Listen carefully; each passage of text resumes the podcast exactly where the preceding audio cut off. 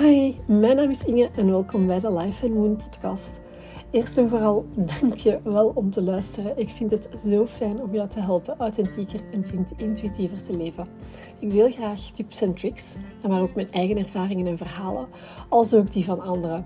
Ik wil met deze podcast graag alles rond intuïtie, synchroniciteiten en all things energy gaan normaliseren. Dus als jij graag een verhaal hebt dat je graag wilt delen, stuur mij gerust een berichtje op Instagram en dan breng ik het met veel plezier op de podcast. Ook topics of vragen zijn trouwens welkom. Je vindt mij daar uh, op Instagram als inge.moon of je kan mij ook bereiken via mijn website www.lifeandmoon.com. Ten slotte, als je deze podcast leuk vindt, deel hem dan alsjeblieft met vrienden en familie. Of het zou leuk zijn mocht je een beoordeling of een comment willen achterlaten op het platform via de welke je de podcast beluistert. En dan nu, on with the show.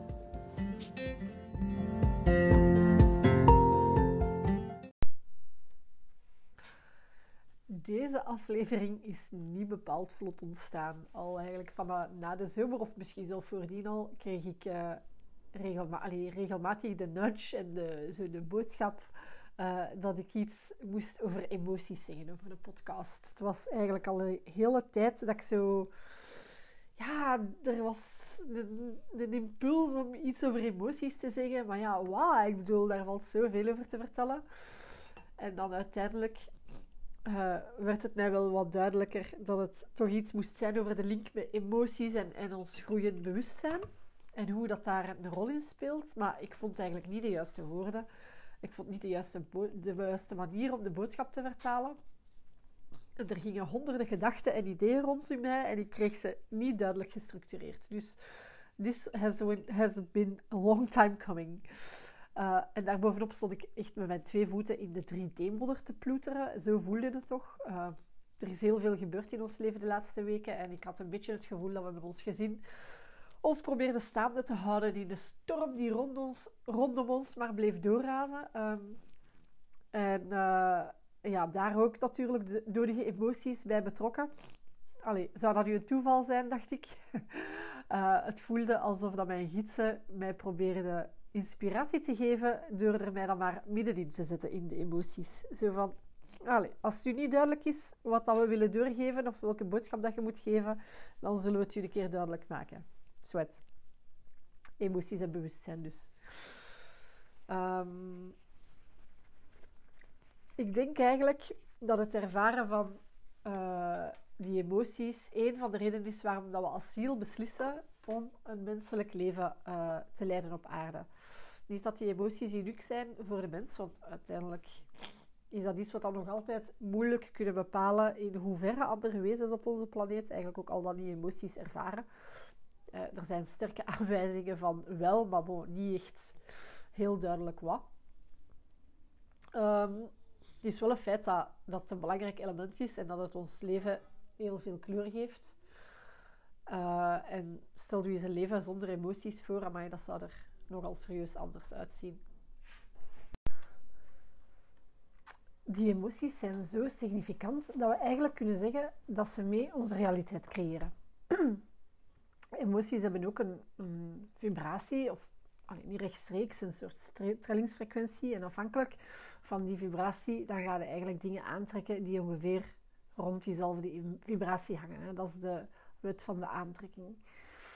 Hoe werkt dat nu? Bon, eerst en vooral, kleine side note, ik ben geen wetenschapper. En wat ik hier deel, is dan ook een combinatie van gewoon ja, mijn eigen ideeën, eigen inzichten en dingen die ik lees en onderzoeken en allerhande boeken en auteurs en mensen die er veel meer verstand van hebben dan ik.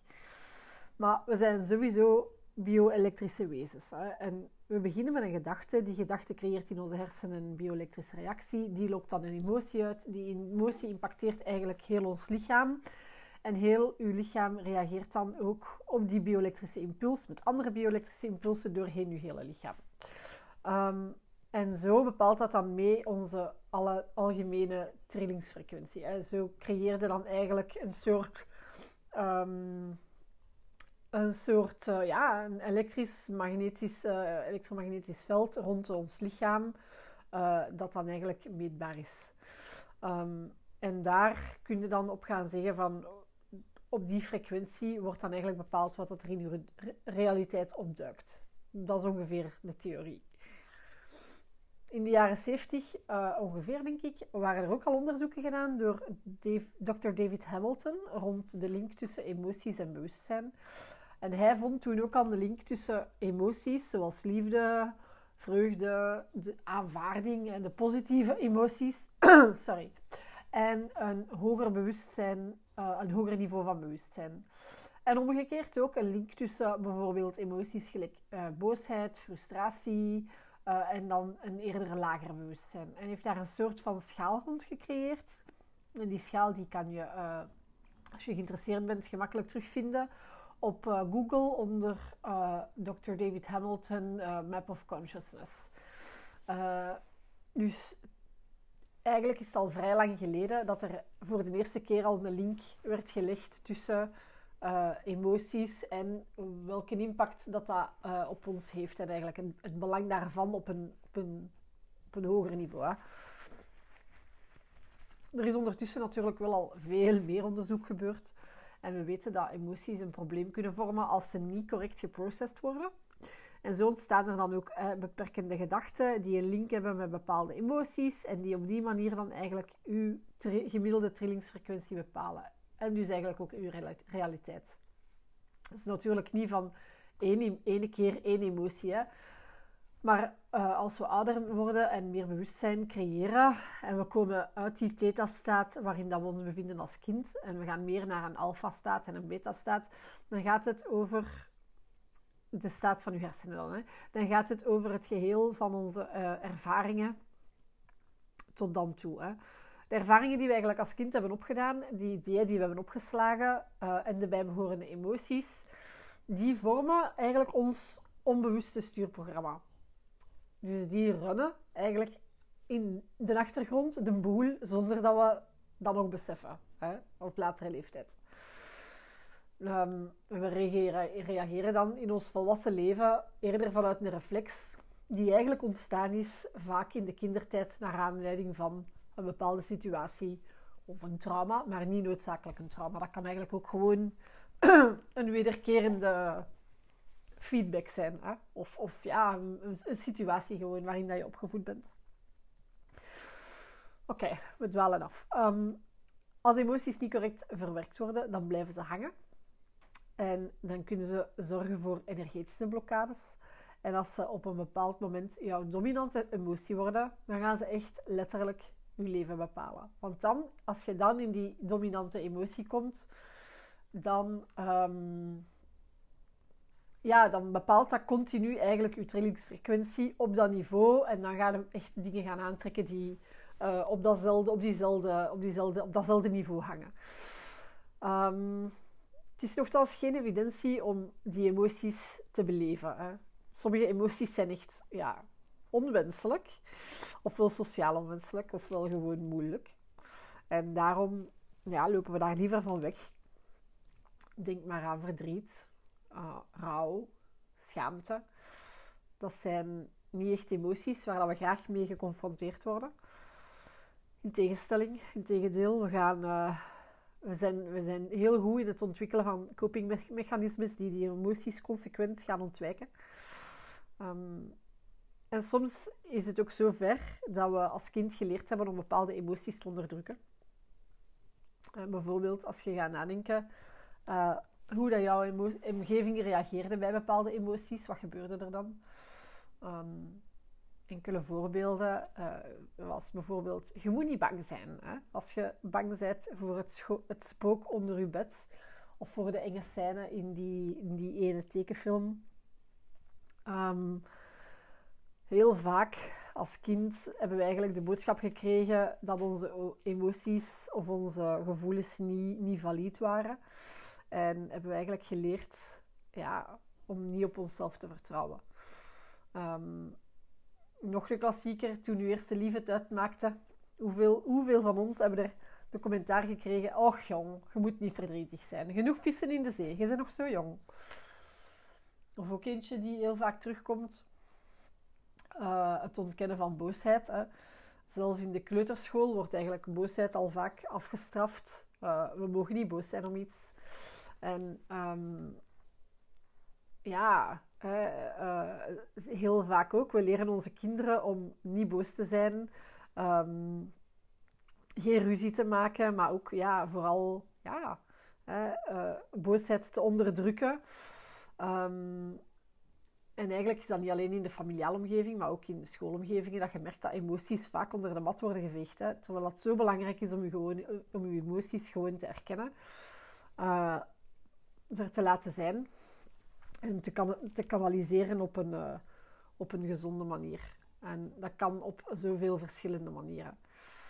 Um, een aantal manieren waarop dat je bijvoorbeeld emoties kan kanaliseren, die echt allee, gezondere manieren zijn, is bewegen bijvoorbeeld.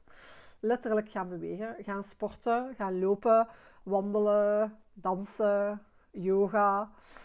Uh, dansen is ook een van mijn favorieten. En dat is, dat is, dat is echt iets wat dat, ja, wat dat niet moeilijk moet zijn. Hè. Je moet dat niet moeilijker maken dan dat is. Hè. Gewoon, gewoon bewegen. Letterlijk gewoon bewegen. Intuïtief bewegen. Luistert naar waar dat je lichaam wil bewegen. En wat dat je wilt doen. En dan doe je dat gewoon. Um, een andere manier is uh, creatief zijn. Hè. Bijvoorbeeld uh, schrijven, uh, tekenen, schilderen. Dat zijn ook allemaal heel, heel veel gezondere manieren om, om met emoties om te gaan. Um, journalen is voor mij een schrijven. Als, is voor mij eigenlijk wel belangrijk, omdat dat voor mij toelaat om te gaan nadenken wat ik gevoeld heb.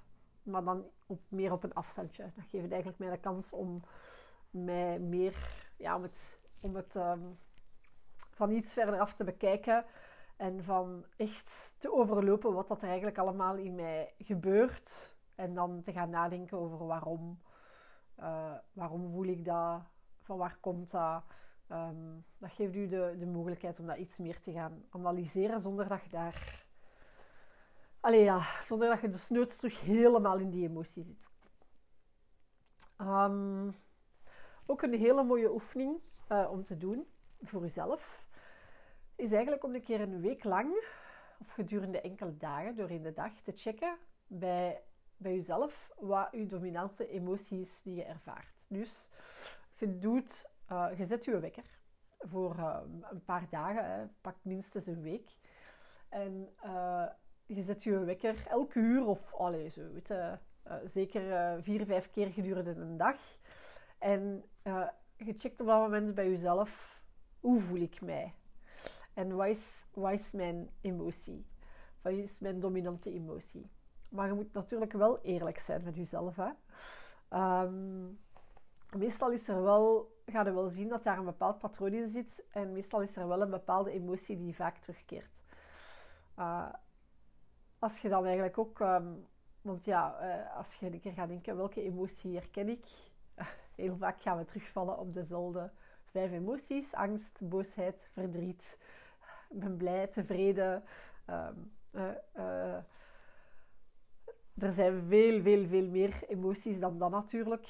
Um, een hele goede boek uh, is die van Brené Brown, Atlas of the Heart. Uh, of Atlas van het Hart, denk ik in Nederlands. Uh, dat is echt een hele goede om een keer te gaan kijken naar welke emoties en, en hoe dat zij die definieert. Um, maar er is ook... Um, op Google kun je ook rust gewoon uh, wiel van emoties gaan googlen. En dan ga je ook eigenlijk een, een wiel krijgen, een rad, waar dat heel veel verschillende emoties ook al op staan.